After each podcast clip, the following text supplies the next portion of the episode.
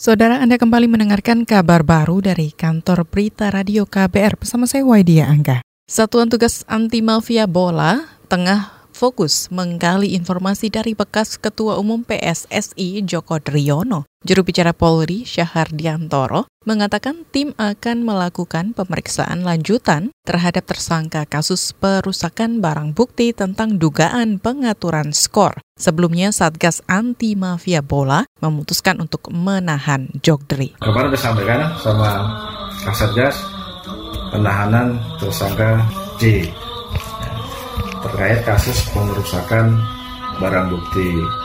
Namun selain itu juga akan dilakukan juga pemeriksaan-pemeriksaan lanjutan terkait dengan eh, kasus-kasus uh, yang lain. Beberapa hari lalu, Kepala Satgas Anti Mafia Bola Hendro Pandowo mengatakan Jogdri terbukti memerintahkan tiga orang berinisial MM, MS, dan AG untuk menghancurkan barang bukti di ruang kerja dan apartemen Jogdri. Dugaannya, barang bukti tersebut berkaitan dengan skandal pengaturan skor. Hendro menduga Jogdri merusak barang bukti untuk mengaburkan penyelidikan kasus pengaturan skor.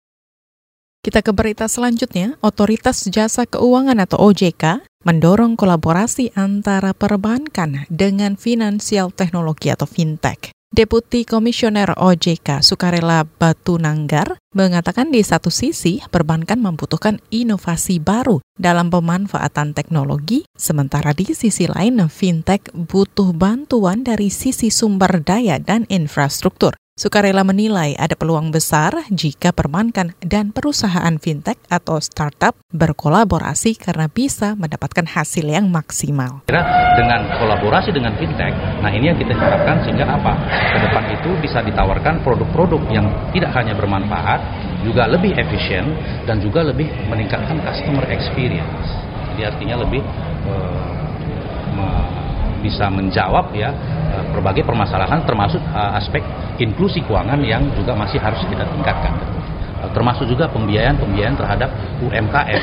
Deputi Komisioner OJK Sukarela Batu Nanggar mengatakan perbankan mesti lebih sensitif dan juga lebih proaktif melihat kebutuhan-kebutuhan konsumen yang lebih beragam. Ia berharap dengan melakukan kolaborasi perbankan dengan fintech, maka pelayanan kepada konsumen juga lebih efektif. Kita beralih ke Nusa Tenggara Barat. Pemerintah Provinsi NTB melalui Dinas Kelautan dan Perikanan mengajukan bantuan 200 unit kapal kepada pemerintah pusat untuk dibagikan kepada para nelayan yang menjadi korban gempa bumi beberapa waktu lalu. Kepala Dinas Kelautan dan Perikanan Provinsi NTB, Lalu Hamdi, mengatakan jika dikabulkan, ratusan kapal ini akan dibagi kepada nelayan yang ada di daerah-daerah lain yang terdampak bencana alam. Kemarin saya diundang rapat dalam rangka kita untuk memperoleh bantuan terutama bagi nelayan-nelayan yang terkena dampak gempa. Nah, besok permohonan kita ini akan diverifikasi oleh kementerian yang akan datang ke Mataram, yaitu tanggal 27. Saya sih usulkan dapat 200 kapal, tapi ketersediaan kapal di KKP hanya 200, padahal itu mau dibagi dengan daerah lain juga. Beberapa daerah gempa kan di Palu, ya mudah-mudahan kita bisa dapat ya 50-60. Sementara untuk bantuan berupa modal usaha kepada para nelayan, Kepala Dinas Kelautan dan Perikanan Provinsi NTB Lalu Hamdi mengatakan sudah ada berupa modal usaha yang disalurkan berupa pinjaman dengan suku bunga yang sangat rendah yaitu sebesar 3 persen. Demikian kabar baru dari KBR, saya Waidia Angga.